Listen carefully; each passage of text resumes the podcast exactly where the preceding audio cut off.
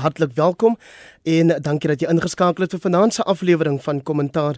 Dis nou die SAK nuusbesprekingsprogram waar ons ontleeders, kundiges en senior joernaliste vra vir hul insigte en standpunte oor dit wat die nuus oorheers. My naam is Hendrik Weingart en uh, dit dan vanaand op die dag dat die SAK sy 85ste jaar in die uitsaai wese vier. Baie dankie ook aan my gewaardeerde kollegas soos aan Paxton wat verlede Sondag as gespreksleier waargeneem het.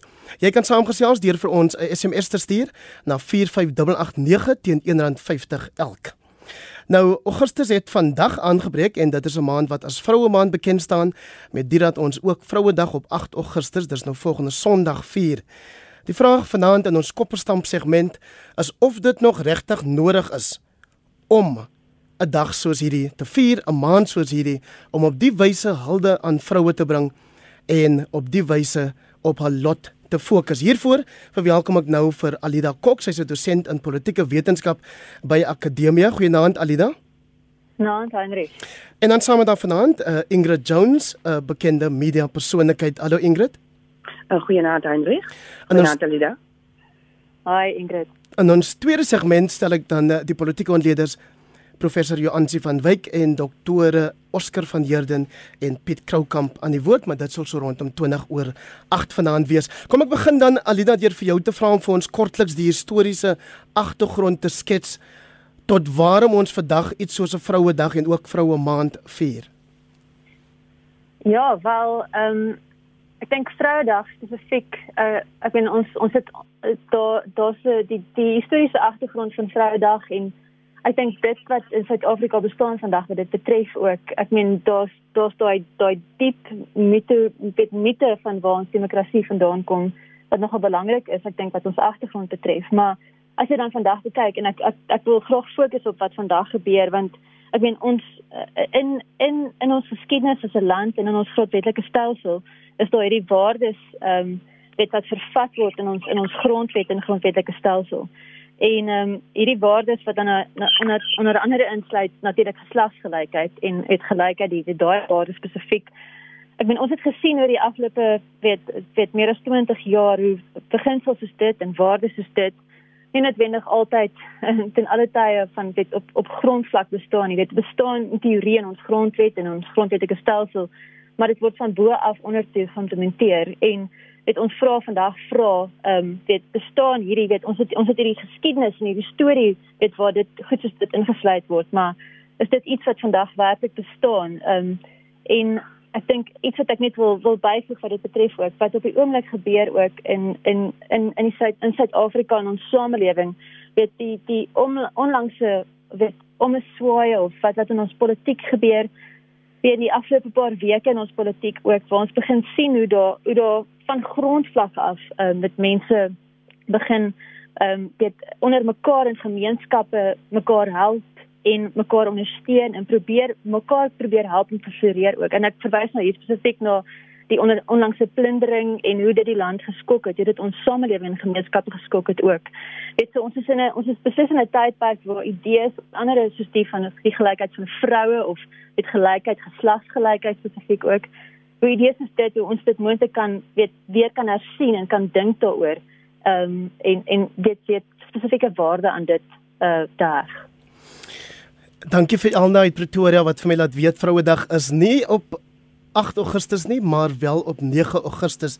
Jammer oor daai datum fout wat ek gemaak het. Ingrid, as jy hoor Vrouedag, Vroue Maand, wat is dit wat in jou gedagtes opkom oor waar dit vandaan kom? Uh, Heinrich, ek ek stem uh, grootendeels saam ehm um, met die geskiedenis en en hoe dit nou net ehm um, aan ons verduidelik is, maar ek het nou vir 'n uh, paar jaar, jy weet gesê, ag, nee, dit is so onnodig.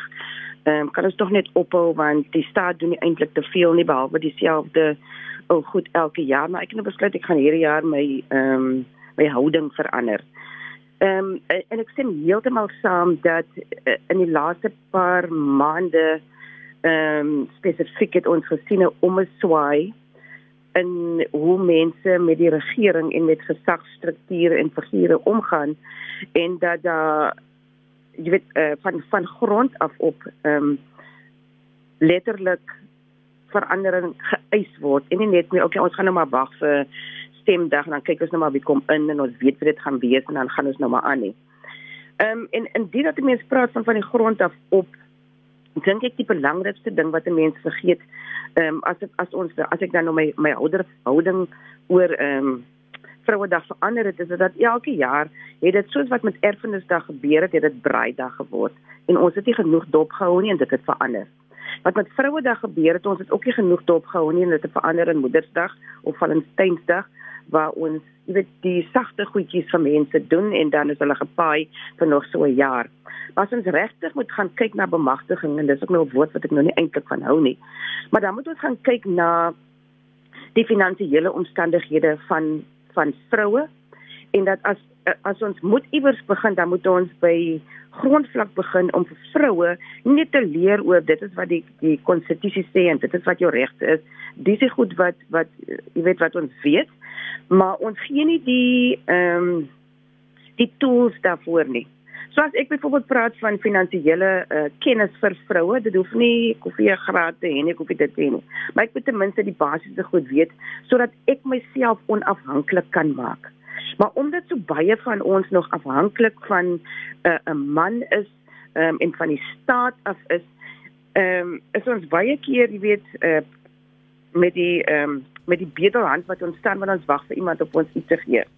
So vir my moet ons, jy weet, meisiekinders van dag 1 en vroeg af Ek moet sê nie dit gebeur net met seuns of seuns word anders daarmee hanteer nie, maar ons verstaan die ongelykheid in in in in hierdie land en ek wil nou nie oor ander lande praat nie want ek bly nie daar nie, ek bly hier.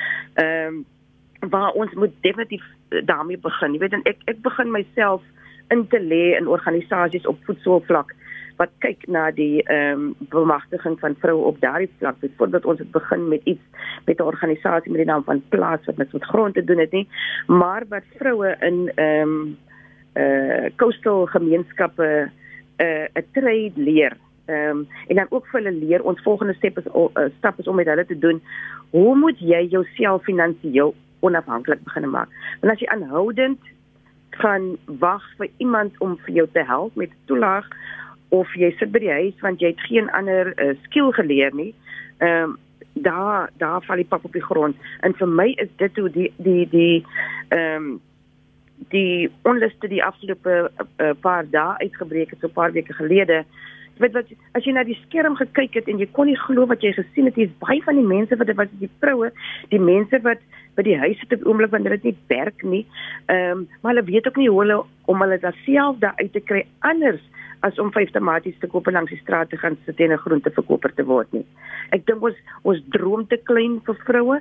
Ek dink ons uh, spandeer heeltemal te veel aandag aan jaarlikse vrouedag funksies wat die Bokodo um, awards uitgedeel word so vir ryk mense wat so toe gaan. Dit is nie vir die vroue op die straat nie en dit is vir die vroue op die straat wat hulle vrouedag aanbied as Moedersdag.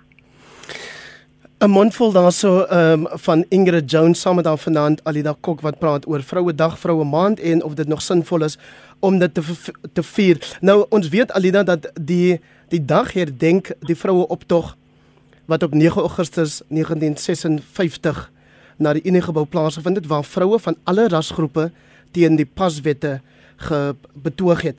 Dink jy dis 'n dilemma vandag vir ons om te besluit hoeveel ons moet fokus op sê nou maar daai historiese stuk geskiedenis van hierdie dag of die bemagtiging 'n woord wat Ingrid sê sy nie van hou nie, maar waarby sy wel betrokke is op grondvlak? Ja, en ek sê ek meen die geskiedenis is belangrik. Dit onderlê tog wat ons doen vandag, maar ek dink dit wat vandag gebeur, eh, ons kan dit nie miskyk nie. Dit is dis eintlik waar ons aandag werklik moet wees. So sê ek dink um, net in die in die grendeltyd en met die inperking en en die pandemie die die die, die ongelooflike geweld wat teen vroue gepleeg word juis omdat hulle het hulle is vasgehok hulle is by die huis of uh, as hulle gelukkig is om 'n ordentlike huis te hê het dalk 'n informele nedersetting waar daar ongelooflike geweld teen baie vroue en jong vroue en en dogters gepleeg word ehm um, weet uh, on, ons weet ek dink byvoorbeeld hier in Februarie Junie die die geval van Segofatu Pule 'n 28-jarige swanger vrou wat vermoor is en by 'n boom opgehang was. Sy was 8 maande swanger gewees. Die geweld wat teen vroue gepleeg word in Suider-Afrika is ongelooflik ontstellend en dit wys dat daar iets baie siek is in ons samelewing. Daar's daar's iets baie groot fout in ons samelewing. Maar maar dis dis dis dis dis daai daai ding wat ons nie kan miskyk nie. Dit is ontsettend dringend en belangrik. En dis hoekom die fokus op vroue ook so belangrik is. En Vrouedag het het nie vermoë om ons aandag net op dit te draai want ons elke jaar in Augustus dink ons ja, dis vroue maat, maar kyk na die geweld wat teen vroue gepleeg word. Dis redelike ironie. Dan andersins, ehm um, wat wat mense ook sien, en dit is wat ek baie sien ook in die omgewing waar ek beweeg, weet die die die die verskil in die betaling wat vroue ontvang in 'n koöperatiewe sektor of mm. of in weet in enige ander sektore, weet ons gewoonlik in Suid-Afrika 23 tot 35% verskil in betaling wat 'n vrou kry en dit is gewoonlik in 'n middelvlak weet 'n middelvlak betaling of 'n hoëvlak betaling. So daar is daai groot verskil. En dan ook en dis iets wat ek ook definitief sien. Mense sal dink dit is nie in ons samelewing nie maar dit is beslis. Vir die tipe glaspraf plafon wat vir vroue tel in in die werksomgewings waar hulle is ek dink byvoorbeeld hier in in weet in die, in in Afrikaner politiek byvoorbeeld um, veral in die noorde van die land in Afrikaner politiek is daar nie sterk vroue politici nie. I mean noem 'n vroue politieke leier in die noorde van die land in 'n Afrikaner politieke kring. Dit is dit is beslis meestal mans wat daardie daardie area domineer en um, mense sien daai glasplafon wat daar tel vir vroue ook. Dit sê ons baie waarop ons ons aandag kan fokus vandag ook. Maar ja, die geskiedenis is belangrik en dit onderlê ons tog ook na ons kyk um, na wat dit wat van gebeur. Joey sê Vrouedag is belangrik om alle mense, mans en vroue te herinner hoe belangrik hulle in die samelewing is. Vroue moet mekaar ook beskerm en ondersteun. Maar is heelwat van die luisteraars wat SMS stuur wat sê ag nee asseblief, hoekom praat ons nou vanaand oor so 'n onderwerp? Dis boring, dis vervelig.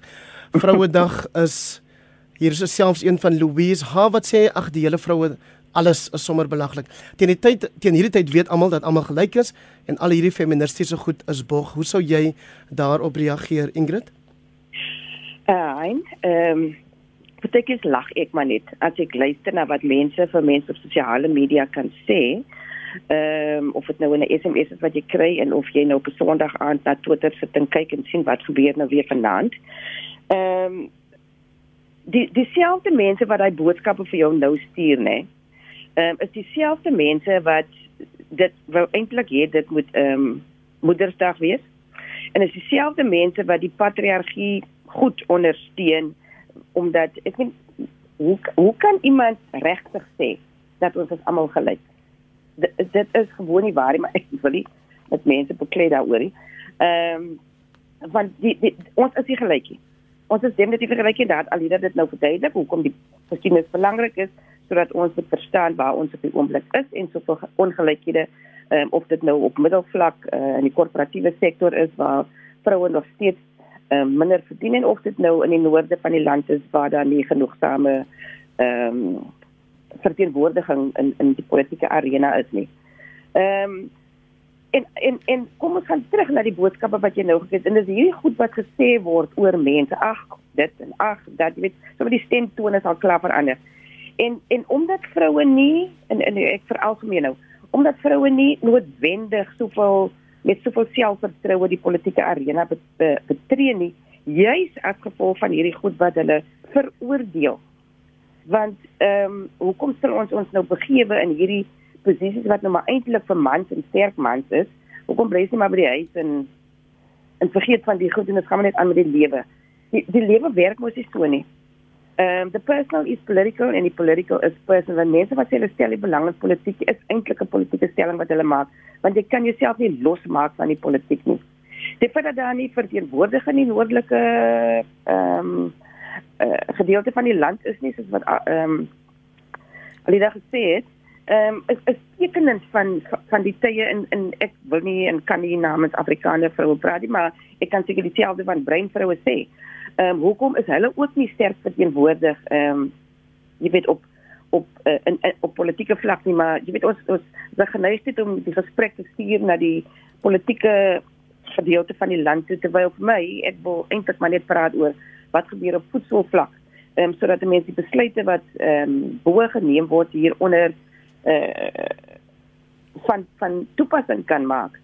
Ehm um, en jy wat in, in ek het ook besluit ek gaan nie meer na praatjies toe en goedes wat ek moet gaan praat oor maar wat gebeur met my wat 'n besigheidsvrou is op die vlak waar ek is, jy was dat jy my gediskrimineer en so aan. As ek net my posisie in die samelewing gebruik en die platform wat ek vir myself gebou het om onder toe te kyk en te sien maar wat is dit waar ek vandaan kom en wat kan ek doen vir die mense wat wat wat wat jy weet na my kyk en sê ag ek wil ook eendag so wees. Nee, jy wil nie soos ek wees, jy wil heeltemal anders as ek wees. Jy wil 10 keer verby my al gestap het sodat ehm um, jy weet daar op op 'n meer uh equal basis met mekaar meegeding ehm um, kan word en meeding natuurlik is op die verkeerde woord aan mens kan wees dat 'n moeilikheid beland om woorde te gebruik. Ehm um, wat op 'n uh, segregasie en goed ehm um, neerkom. Maar maar ek ek wil terugkom na jy weet ehm um, die die goed wat ons gevoed en gevoer word oor waar ons plek in die samelewing is, ehm um, ons afhanklikheid van ander mense, van mans, ehm um, en hoe ons moet moet terug staan want jy weet ons word eintlik nie in die in in sekere arenas nie. En as ons nie daai goed aanspreek uh, um, op voetsoorvlak dan gaan jy sulke boodskappe kry soos wat jy vanaand sê. Ag, dat sê dis sommer boring ons het nie oor te gepraat nie. Maar laat dan met daai vrou môre iets gebeur wat haar persoonlik aanraak in haar reg as vrou. Ek wil weer daai boodskap hoor. Hier is 'n boodskap Alida van Brande Toy wat sê dink ook op uh, hierdie dag aan die 27000 vroue en kinders wat in konsentrasiekampe uh, gesterf het. Jou reaksie?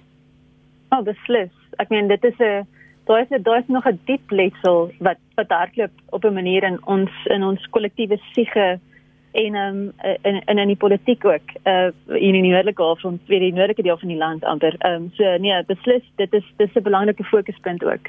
Uh veral vir veral vir Afrikaner politiek.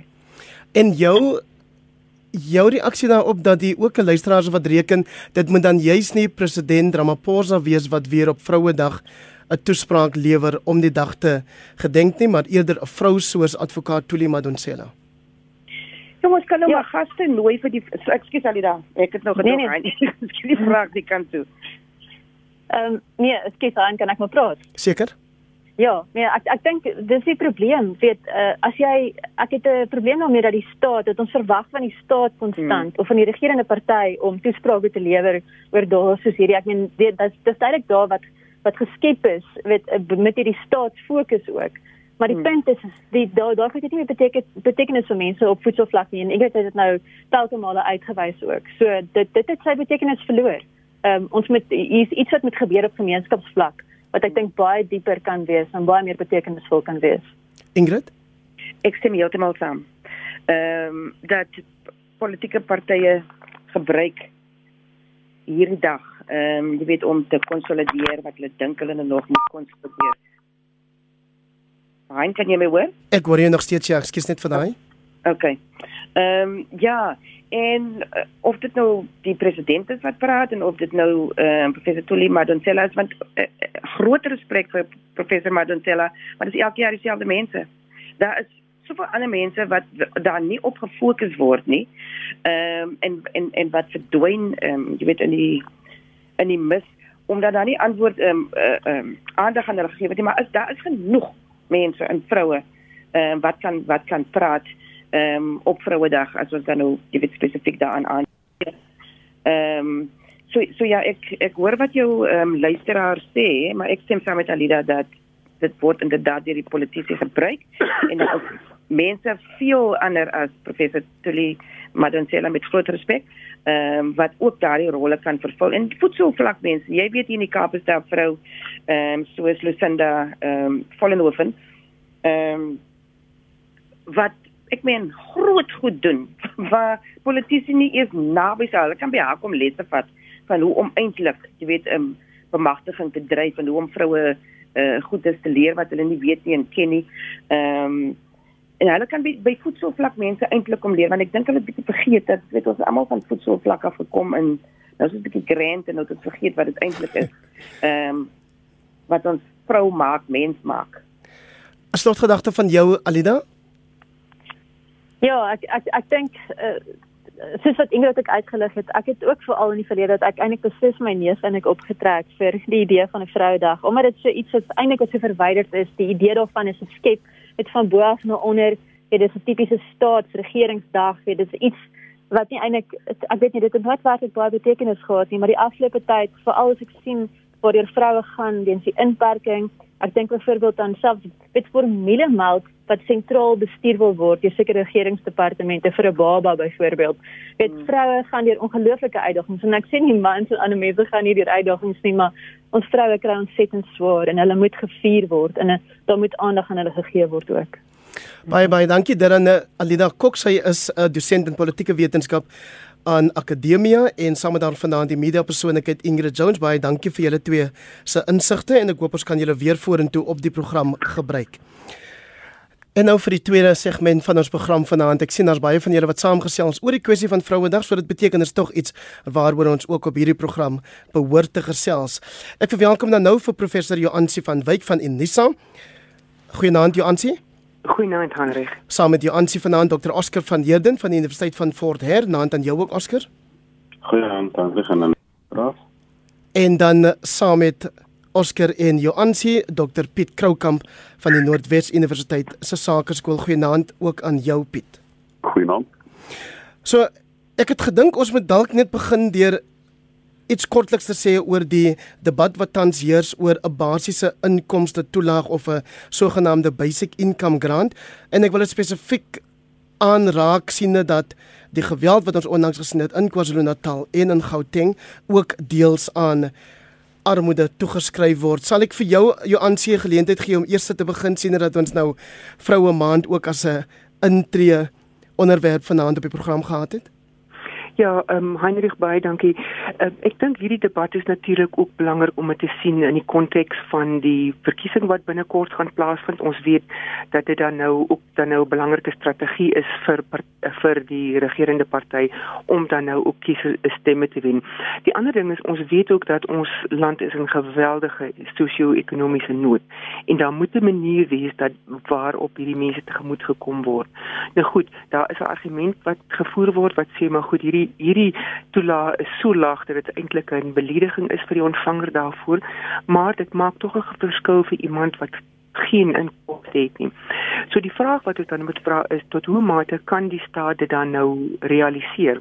En hier sal ons dan nou ook moet wag vir die debatte rondom die mediumtermynbegroting, volgende jaar se begroting. Ons sien reeds dat die brandstofprys volgende week um, verhoog gaan word.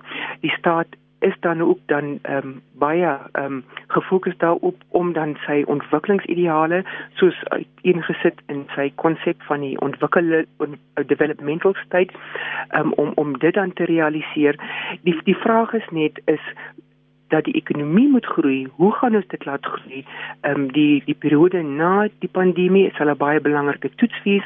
Ons weet ook dan nou dat daar is ehm um, onderus in die land wat dan nou toegeskryf word onder andere aan hierdie gebrekkige sosio-ekonomiese ehm um, uh, program van die regering wat nie gerealiseer het nie en hierdie kan dan 'n end gaan om dan ehm um, gemoedere kal te kalm te hou en dan om dan nou ook die regering dan nou ehm um, net ten minste iets op die tafel te kan sit vir die gewone Suid-Afrikaner. Piet, het jy gesê die dit die geweld is toe te skryf daaraan dat die informele mark teen die formele mark opgestaan het of hoe nou weer en is dit nie waar dat daai informele mark dan juis gedryf word deur die armes van ons land? Ja, ek ek het gesê die informele politieke ekonomie want dit moet onderskei word van die informele ekonomie wat 'n redelike konvensionele konsep is van hoe mense hulle dagloon verdien deur eenvoudige sê maar goed te verhandel byvoorbeeld. Die informele politieke ekonomie sluit natuurlik 'n klompie obskure karakters in mag op 'n of ander manier van die staat uh kon uh, noem dit nou maar uh, uh afrokkel en dan binne die samelewing funksioneer en bepaalde dienste en funksies lewer. Byvoorbeeld sê net maar ek dink ek het noem dit was die voorbeeld van die taxi base. Die taxi base dis hoekom hulle so graag wil gehad het die winkelsentrums moet nou nie aangeval word deur mense wat armoedig is en kos soek nie, want hulle onttrek 'n belasting van daardie winkels. Met ander woorde, hier groot winkelsentrums betaal almal, nie almal nie, maar almal wat naby 'n taxi rank is, betaal 'n bepaalde belasting aan die taxi baas. Dis 'n boombaal wat die kapitaal wat die taxi baas maak deur mense aan te ry na daai winkel toe weer terug weg te ry.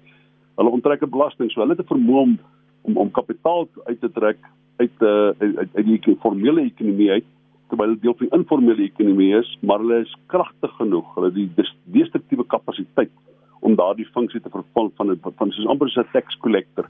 Dit ek dink dit was my argument. Ek wil net vinnig verwys na jou jou jou vraag aan aan jou aansien en dit is dat die omdat net die, die idee van 'n van 'n van 'n van 'n van 'n van 'n toelaag maak moreel maak dit absoluut sin. Uh as ek die staat reg verstaan met die laaste paar begrotings het hulle gesê dat ekonomiese groei gaan as gevolg van infrastruktuurontwikkeling sal dit sal die kern wees van ekonomiese groei. Uh indien ons sê net maar uh vir hierdie morele kwessie, hierdie geldige morele kwessie nou geld spandeer wat ons in terloops dis die eerste keer wat ek hoor dat die minister praat van 'n soort van 'n ringfence van die begroting, dan wil sê hierdie geld van ons uit die mynbedryf kry, ons kry uh, belasting wat ons nie op uh begroot is voor nie, is ekstra belasting wat ons uit die mynbedryf uitgemaak het nou, maar die mynbedryf is 'n opwaartse kurwe. Uh uh en ons van daardie belasting gebruik om hierdie uh sosiale maatskaplike welvaart uh fooi te betaal.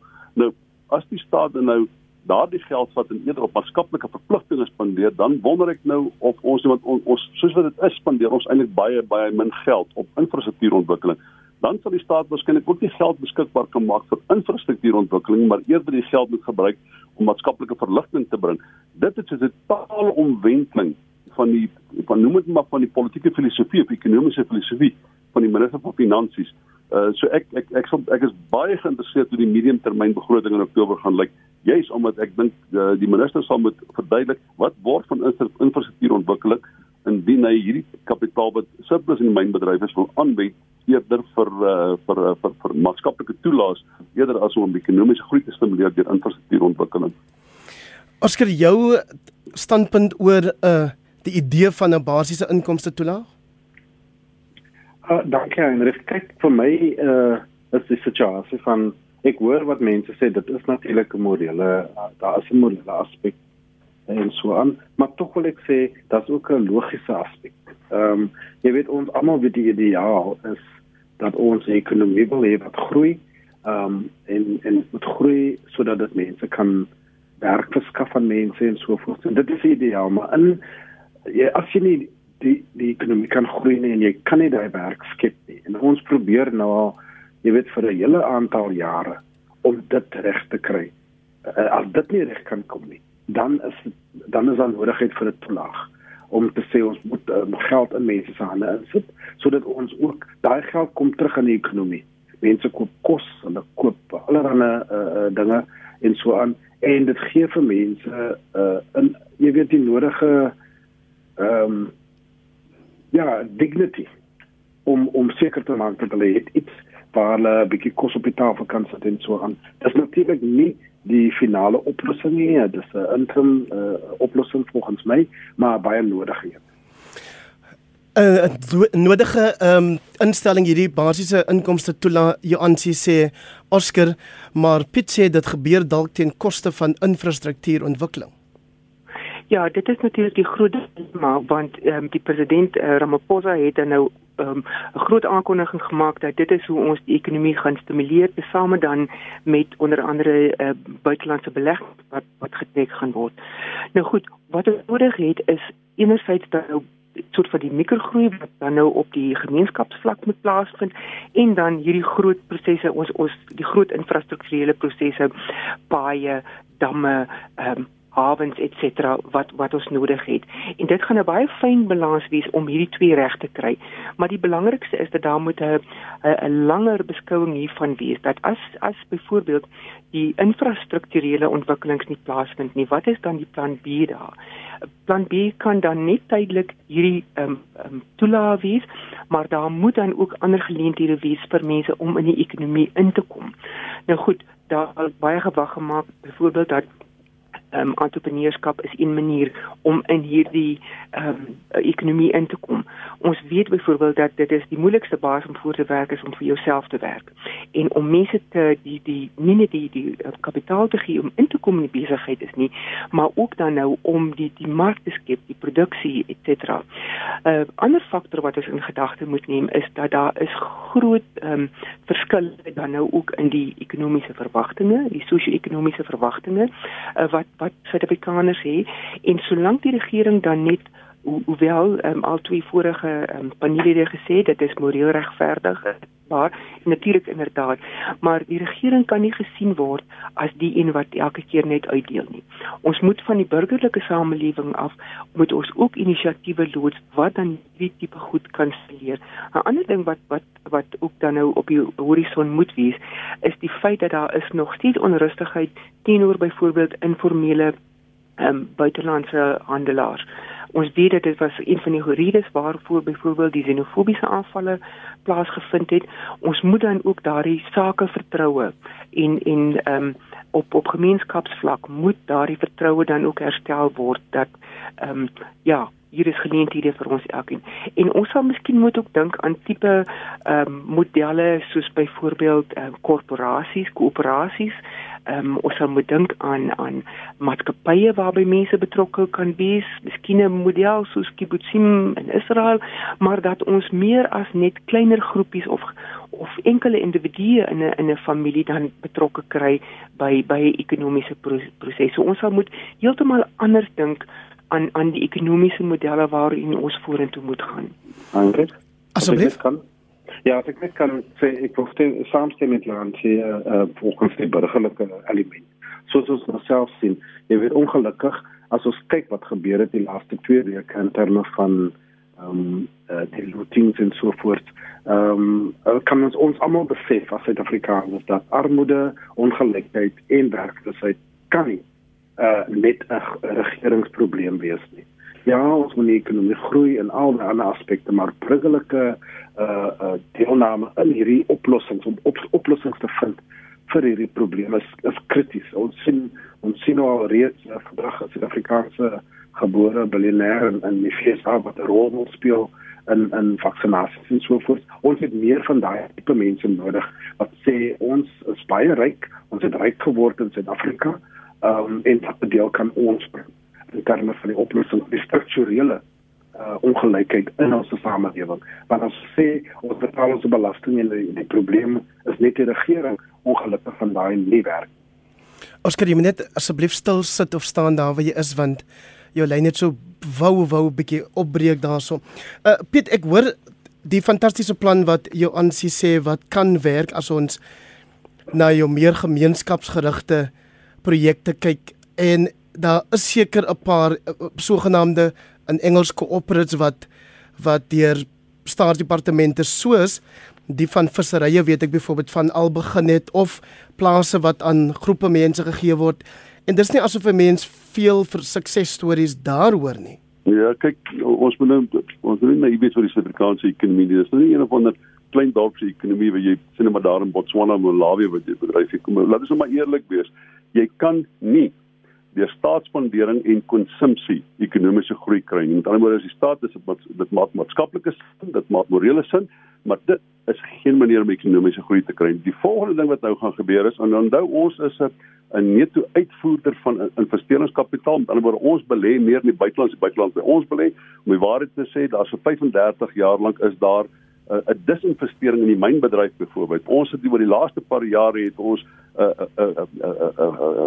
afname in in in 'n direkte buitelandse belegging in Suid-Afrika gekry. So daar kom nie nuwe kapitaal in nie. Daar is nie direkte belegging in Suid-Afrika nie en jy kan nie die ekonomie groei deur konsumpsie op uh, wat die staat met skuld voormaak en ek kan nou vir julle beloof ons skuldklas is so hoog ons kan eintlik nie meer ons eie skuldklas del soos dit is nie en ons kan hierdie hierdie beleid wat ons nou gekry het, kom ek belowe vir oor 'n paar maande gaan die uh, internasionale kredietgeredingsagentskappe ons nog verder in junk instuur omdat ons hierdie spandering aangaan. Daar's geen twyfel daaroor nie. So daar's op hierdie stadium nie 'n enkele idee van ekonomiese groei nie. Ons gaan hierdie jaar teen 4% groei maar van 'n gewellige lae basis af danksy COVID, né? Voor COVID was ons in 'n in 'n amper in 'n in 'n in 'n amper 'n 'n depressie of 'n resessie gewees het maar. En so daar gaan ekonomiese groei wees van wat sinvol is nie. En ek weet nie waar die minister die geld gaan kry maar die geld van die van die mynbedryf op ons het gesê hy wil die geld nou by mynwese kry.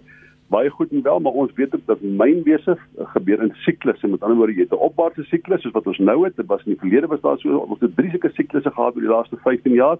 Twee van hulle die Suid-Afrikaanse ekonomie totaal die bus gemis gevolg van swak ministers van van van, van mynwese en hierdie keer ry ons 'n bietjie die wave omdat dit is 'n wave dit gaan weggaan. So as ons kan hierdie toelaas kan ons betaal het ons die kapitaal om dit oor 4 en 5 jaar nog steeds te betaal wanneer hierdie myn opwaartse siklus wanneer hy weggaan want hy gaan weggaan so waar as wat Piet Krou kan leef. Daar's nie twyfel daaroor nie.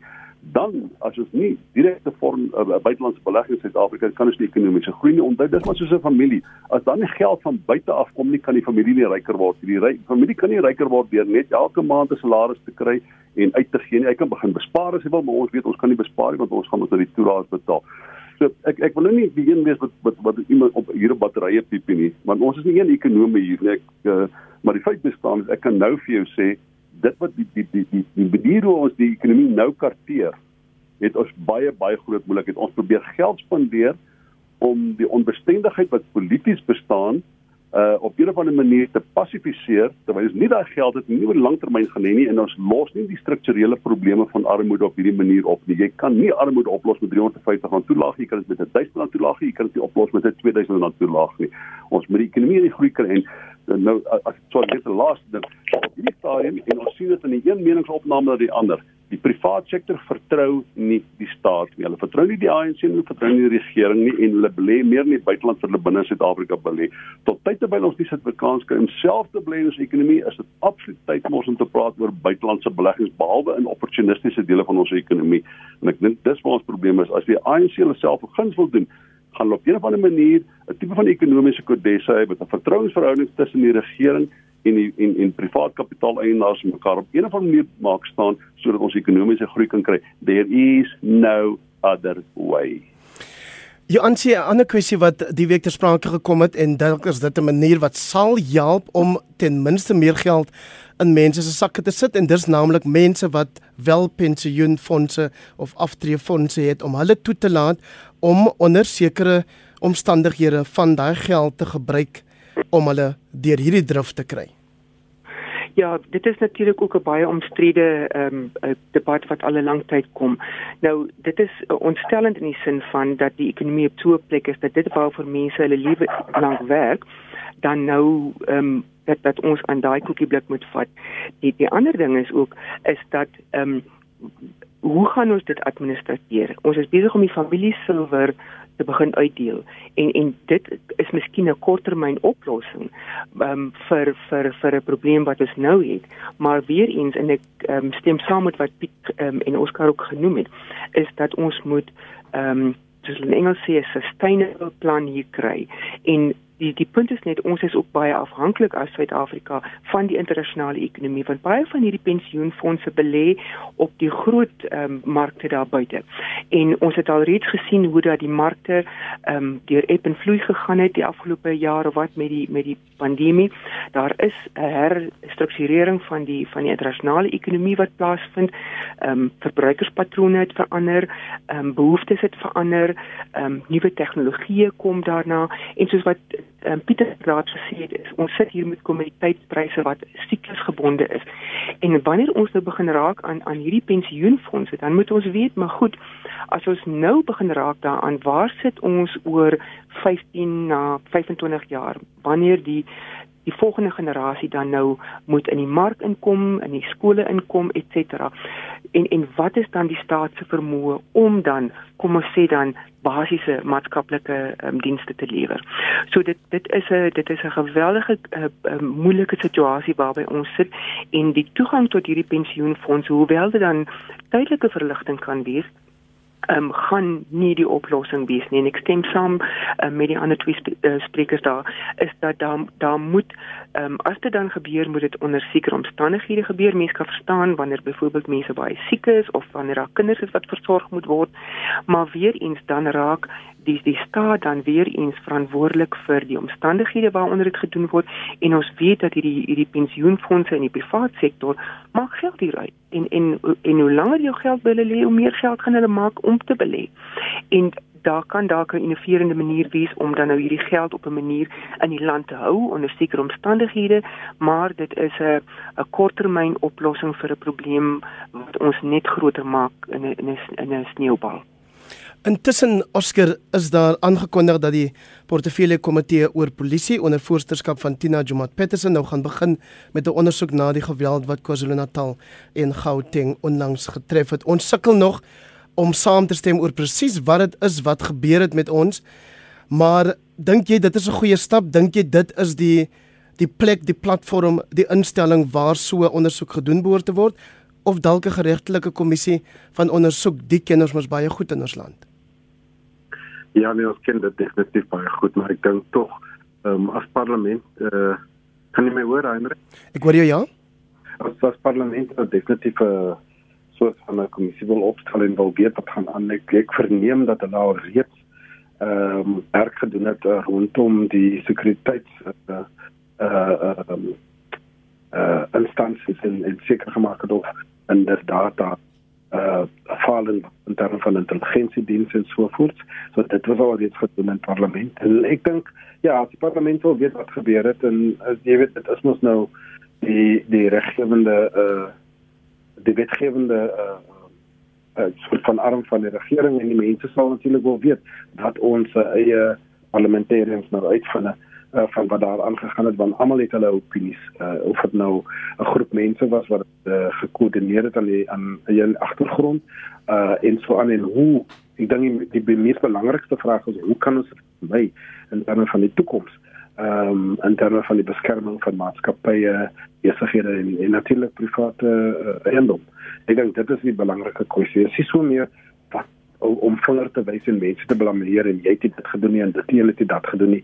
Uh dit is belangrik natuurlik om sodat ons uh, vorentoe kan beweeg en sê as dit volgende keer uh weer eens gaan geskied, hoe gaan ons dit hanteer en hoe kan ons dit vermy? Ek gaan julle al drie vra om te kyk of julle bietjie korter kan antwoord dat ons daarom nog by Willem Kiesie ook kan uitkom.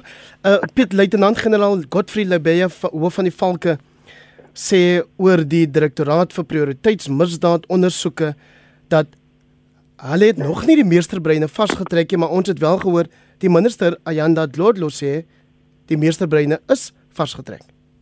Wel, as dit die meesterbreine is, dan is dit omdat ons nie die weet wie die meeste meesterbreine was nie daar's net een manier om uit te vind of twee maniere om uit te vind wie die beeste breine was. Die eerste eerste plek is iemand behoorlike ondersoek kan doen. Die tweede plek moet behoorlike intelligensiedienste hê. Al hierdie ministers het reeds erken ons het nie behoorlike intelligensie nie en ons het nie behoorlike navorsing gedoen nie. So ons weet nie die feit van die saak is ons gaan 'n paar minions uh uh gaan ons nou arresteer en ons gaan hulle voor die hof sleep en ons gaan nooit weet wat is die wortel van hierdie ding nie. Ons uh wel ons ons ons kan intelligent daaroor spekuleer, maar kom ek sê net vir jou Becky Kelly, Ayanda Dlolo, uh, um, Paisa Nkakula, die ministers weet niks meer as ons nie. Die valke weet niks meer as wat in die media is nie. Hulle weet nie wat gebeur het nie. Hulle gaan nou voor die uh, sê nou maar uh, die nasionale vergadering gaan daar kom 'n TV-dag gaan gespekuleer word en die nasionale vergadering gaan bevind dat die ministers weet nie wat aangaan nie, want dit is al wat jy kan uitvind. Hulle weet reeds, hulle weet nie wat aangaan nie. Ons weet van die mense wat geïdentifiseer is wat gearresteer is, weet ons as as dit die ouens is wat hierdie ding gebruik het, dan is ek verstom oor die belaglikheid van die storie en van die bevindings. Ons weet nie wat gebeur het op intelligensie vlak nie. Die ministers weet soveel as wat ek en jy weet. Ek en jy kan intelligent daaroor spekuleer. Ja, aansie, maar tot vanmiddag toe ek van die kamp af teruggekom het Johannesburg toe en hier verby die SAK gebou ry radiopark waar ek nou sit, 'n groot weermag voertuig geparkeer hier buite by die ingang. Wat vrees die staat? Ja, Heinrich kan ek net terugkom. Ehm um, kyk ons sien nou dat ehm um, volgens die ehm um, veiligheids um, cluster of tros, ek weet nie wat die Afrikaans daarvoor is nie.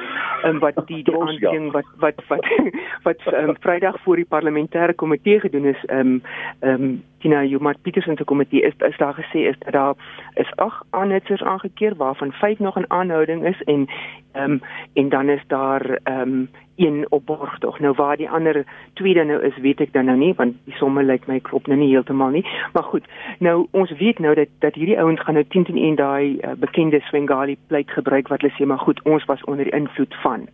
Ehm um, en en dit gaan nie noodwendig werk nie. Ehm um, dit maak die Suid-Afrikaanse politiek so geweldig interessant is dat daar is soveel lae wat ons moet verstaan. Ou gruwe.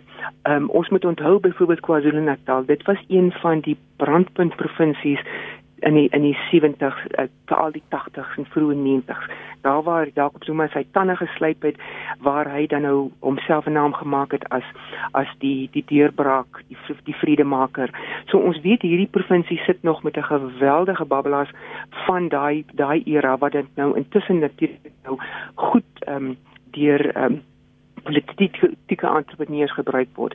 So die staat is besef dat hy moet homself sigbaar maak dat hy die beskermer van wet en orde is, maar ons weet ook dat dat die weermag se teenwoordigheid het ook dan die simboliese impak van ja, die staat is teenwoordig, maar ons land het geweldig baie bagasie met die 80er jare wat ons die Kaspers en en die Kamparis uh, gesien het in die in die in die rykstede en dan nou die Kaspers in in die uh, in die armer dele van die stad.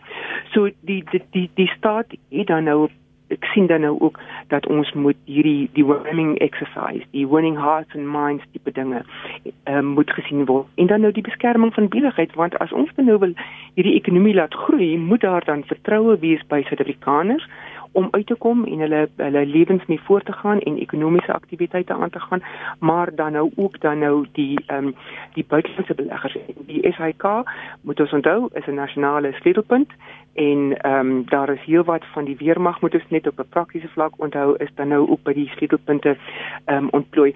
Ehm um, interessant genoeg, ehm um, as ek nou reg onthou van die voorlegging aan die parlement uh, Vrydag, is daar iets soos 113 kommunikasie installasies is onder andere ook aangeval tydens hierdie ehm um, die die gebeure van 7 tot uh, eh, 30 Julie wat gerapporteer is dan. So die SAK is dan inderdaad 'n brandpunt wat wat skerm moet word. Maar die die punt is net die staat moet sien dat hy wet en orde handhaaf um, en maar die staat moet dan ook ehm um, sorg dat die dat die basiese middele ehm um, dienslewering ook moet plaasvind. Hendrik ek weet gevra Johan se sê een ding wat ons vandag het uh, wou kom en MTN al hierdie verskillende kommunikasietorings kanale gesê uh, ja daar was 130 met nou maar onbestendighede maar dit is niks meer as normale maande met ander woorde daar's geen indikasie behalwe by winkelsentrums waar ek dink iets soos 25 of so waar daar uh, van hierdie uh, noem dit maar kommunikasieinstallasies aangeval is of, of, beskadig is. Maar dit is niks meer as normale maand en dis een van die goed wat hierdie hierdie ding word nou uitgelig as een of ander groot noem dit nou maar diep gewortelde aanval wat deur obskure karakters beplan is en uh, uh, uh, meer gedeelte wat hulle saamgeklap het om die staat ondermyn. Dis absoluut snert man As jy mooi gaan kyk na die goed, hierdie uh, kommunikasieinstallasies is deur niemand meer aangeval as kriminele wat normaalweg aanval. Die mooi rivier aanvalle by daai trokke was normaalweg dis wat dit gebeur. Dit word al vir 3 jaar lank word daai trokke daar gepot soos die treine gebrand was in die Weskaap totdat daar nie meer 'n trein loop nie. Dit gaan al vir seisoene aan. Ons moenie hierdie goed met mekaar pak en met mekaar uh, verbind en dan dink hier is een of ander groot konspirasie geweest in die staat wat deur diep donker magte gedryf is nie dis absoluut nou ons is hierdie goed dit is 'n spontaneous combustion wat gebeur het as gevolg van geweldige armoede die teenwoordigheid van sterk binne soos taxi bases, soos opportuniste, soos mense wat grond smou, soos mense wat trokke aanval, soos wat bepaal. Dit is maar it's all there. That's how the informal political economy of South Africa operates. Maar, maar Piet, ons moet ons moet onthou dat dat ons nie op 'n op 'n gemiddelde maand ehm um, 50 miljard rand sommer net bloei aan mense wat in 'n winkelsentrum invaar of pakhuise aanval. Nee, dit reg, maar, maar maar hoe is die ding? Gee gee vir jou aansien uh, geleentheid om daai gedagte klaar te maak? Ehm um, dankie Hendrik. Ek kyk ons ons weet dat dat dat ons het 'n uh, uh, ons sit hier op 'n op 'n seismiese um, onstabiele samelewing, um, polities, sosio-ekonomies etc. Maar en en baie van hierdie goed en Piet se eie navorsing byvoorbeeld oor die taxi goed wat al wat hy gedoen het byvoorbeeld ons ons weet dat hierdie goed is sluimerend al lank, maar hierdie spontane ehm um, ehm um, um, aan die brand gaan besef ons ook nie dat dat hier is hier hier is 'n sameloop van omstandighede wat nou hierdie kruitvat aan die gang gekry het en om oor 'n periode van 3 weke 50 miljard rand te te bloei. Ons doen nie dit op 'n op 'n maandelikse vlak nie. Dit is nie iets wat som kom ons sê ehm um, rutine Suid-Afrikaanse politiek is nie. En of dit dan nou georkestreer is of nie, ehm um, something's not right in in the state of Denmark. En en ons moet ons moet agter die laag van hierdie ui kom om te sien wat is by die kern. Oscar, jou siening van hierdie saak as iemand wat in die verlede aan die struggle deelgeneem het en nou moet sin maak van wat ons onlangs in ons land sien gebeur het? Ja, kyk ek ek ek wil ek wil net sê dat ek hoor wat ek kan sê maar die maar die feit van die saak is dat daar sekere mense wat dreigemente gemaak het voor die arrestasie van ou president Zuma wat gesê het as ons oorlog soek kan ons dit kry. Ehm um, en en en dan sien ons hierdie hierdie gebeurte wat dan plaasvind. Nou 'n groot element van weet ons is armoede in ons mense wat natuurlik die situasie uitgebuit het en en natuurlik gegaan het winkels toe kos en dit gesteel het en so voort. Ek stem saam, maar daar is die die die die die die telltale signs wat ook sê dat daai gene wat gesê het hulle gaan probeer om om 'n krisis te, te maak, het eintlik dit gedoen. Ehm um, as ons kyk na die die die, die modus operandi van sekere mense 'n uh, uh, uh, paar uh, voertuie wat wat kom na besighede toe. Ehm um, hulle kom in, hulle steel juwele en dan kom die, die groter uh, aantal mense en so voort. Ek dink dat daar was 'n sekere mate van koördinasie uh, of dit kriminele elemente was of indien dit uh, polities was. Dit kan ons natuurlik nou debatteer, maar ek dink tog ehm um, as ons kyk na wat gebeur het in die 80e jare en ek het 'n voorbeeld gemaak die modus operandi was dieselfde. Uh destyds was die teen die apartheid regering beklei het. Ehm um, jy weet jy jy maak 'n krisis in terme van brand 'n uh, 'n uh, uh, wille en so voort bring die polisie begin om te te beklei saam met die polisie. Jy stop trokke en jy sê vir mense steel die goed in die trokke en want ons gaan die trokke brand en so voort. Ehm um, en dit was gedoen om die regering te ondermyn om seker te maak dat daar onstabiliteit is en ons het elemente van dit gesien oor die oor die 10 dae wat plaasgevind het in KwaZulu-Natal en in Gauteng en dan natuurlik die element wat niemand oor wil praat nie is die feit dat ehm um, in daai areas in Gauteng waar ons daar uh, probleme ge, ge, gesien het en en die optog gesien het is dit dieselfde areas wat destyds in die vroeë 90e jare uh, in terme van um, die black on black violence uh, weer eens as Vosloorus al daai daai daai areas waar ons probleme gesien het en so voort. So daar was definitief some soort van 'n koördinasie. Ek dink ek stem volkome saam met Piet dat dit was net 'n kriminele element en so aan nie, maar waar ek tog saam met hom saamstem is, die die minister het geen idee wie noodwendig agter die hele storie is nie. Kan ons daai kwessie nou daar laat en dan praat oor Dr. Willem Kiese, nuwe onthullings in die Sunday Times vandag oor die sogenaamde Digital Vibes kontrak kommunikasie kontrak waarby hy be, na bewering op 'n onbehoorlike wyse bet, um, betrokke was. Piet, jou gedagtes daaroor? Um, dit is alles nog beweringe, maar dit is daarom met 'n spesiale ondersoekeenheid verslag uit nadat hulle 'n behoorlike ondersoek gedoen het hieroor. Ja, hulle was alles hulle beplan om daai uh, inligting gebruik in 'n saak wat hulle wil uh, deur die uh, NPA dryf. Wat my so bietjie verder ontstel het, was dat ek sien vanaand dat Pieter Louw Beyburg en hy is een wat hierdie ding oop gegrawe het en ek moet nou bieg toe hy het die eerste keer begin ag nee man dit klink nou net mooi of hier iets is nie sny maar wragtig hy hy hy het die, die ding het nou 'n momentum gekry wat eintlik verstommend is.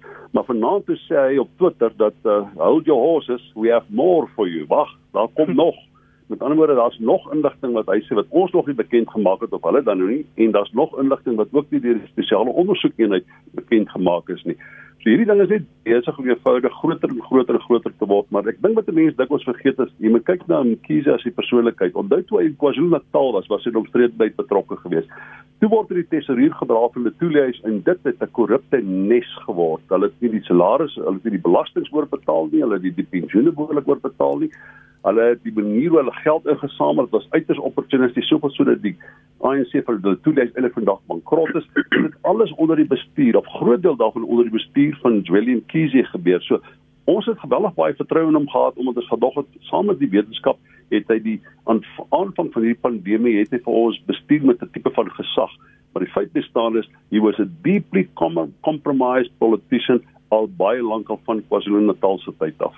Waarom het hy soveel kan ek nou maar sê aanhang geniet jou aansien as ons wel daai agtergrond geken het as ons ook geweet het wat Reddy Klabie vir ons vertel het van sy betrokkeheid by die kwessie saak eh, met ander woorde hoe hy die familie ook probeer stil maak het um, teen daai beskuldiging teen oud president Jacob Zuma kyk uh, ehm, Dr. Mkhize is 'n baie charismatiese mens. Hy's 'n hy's 'n aangename persoon as jy met hom te doen het. Hy uh, um he's a likable fellow. Um die die klein bietjie wat ek met hom te doen gehad het by konvensies en so aan. Hy het natuurlik nou is is um ANC royalty in 'n sin dat hy het, het geweldige steun nou die magsbasis in KwaZulu-Natal. Maar ons moet ook onthou dat hierdie um, digital vibe storie kom af van 2019 af toe die um um wat nou aan die lig gekom het nou onlangs is dat nou dat daar was reeds met die gesondheidsversekerings ehm um, proses uh, rondom die kommunikasie wat die regering dan nou nasionale versekering gesondheidsversekering wil inbring toe was daar alreeds hierdie hierdie bewegings wat daar geld gegaan het um, en volgens die wet, die hoofstukke wat nou by die spesiale tribunaal ingedien is is daar daar's omtrent 'n netwerk van 20 persone en instellings wat hier betrokke is. Onder andere FNB word ook genoem in die die die aansoek wat die spesiale ondersoekeenheid gebring het. So daar daar is daar's daar's diep um, betrokkenheid daar's diep gewordeld en ek dink Kiesie um, sal nie daai posisie bereik het as hy nie dan nou die geweldige steun het nie. En ons moet weet dat hierdie kabinet waarmee ons sit is 'n kompromiskabinet. Ehm um, dit is 'n kabinet wat wat dan nou die verskillende kom ons gaan nou maar weer terug na die geuite narratief rondom die faksies, die verskillende faksies moes vrede hou en dit herinner my so goed aan ehm um, as ek dit 'n ander konteks konteks kan gebruik een van Oscar se boeke Confused or Consistency. Ehm um, dis waar dit dit vir ons los is dat ons is nog steeds ehm um, ehm um, um, verward oor wat die posisie van die minister is. Ehm um, ons sit met 'n met 'n pandemie, die minister is afwesig. Ons het 'n uh, uh, die die ehm um, die hele situasie um, rondom sy persona en sy geloofwaardigheid is is nou ter sprake en ons wil hê die die die die die ehm um, minister moet verduidelik en dan nou die president moet optree teenoor 'n kabinetslid van hom. Oscar, ons tyd is verstreke, maar jy kan so in 40 minute vir ons sê sien dat jy ook 'n boek geskryf het 2 minutes uh before midnight of 2 midnight -hmm. waarin jy praat oor die ANC onder Ramaphosa en hoe hy gewen het, maar belangrik hoe hy sou skoonmaak. Wat gaan aan? Hoekom skors of dankie nie liewers vir Mkhize af nie? Ja, twee dinge baie gou in uh, my 40 minute, soos jy sê. Sekondes asseblief. Ehm um, ja, eintlik ek hoor ek hoor in in ANC sirkels dat ehm um, Kizi wil graag uh, president word van die ANC en soos hy self weet het hy geld met dit. Uh, veld tog op en so voort. En moet dit provinsies kan rondbeweeg en so voort. Um, en, en en ongelukkig beteken dit dit kort pad vat om geld te maak en geld te steel. En ek dink dit wat eintlik nou die situasie is met digital vibes is baie baie ongelukkig Ehm um, tweedens wil ek sê dat Ramaphosa is besig om skoon te maak. Mense word op sy gestaan, hulle is in die hof uh, en so aan. Ek dink baie veld tog is, is is baie goed onderweg. Ehm um, en ek dink tog dat uh, hy uh, indien Ek moet jou ongelukkig daar sny. Ek is verskriklik jammer daaroor, maar ons het nog 'n advertensie ook Oscar van Heerden is by die Universiteit van Fort Hare en saam met hom vanaand eh, Dr Piet Kroukamp en ook professor Joansi van Wyk. Baie dankie ook aan Alida Kok en aan Ingrid Jones wat aan die begin van ons program saamgesels het. Ek groet julle tot volgende Sondag solank lewe.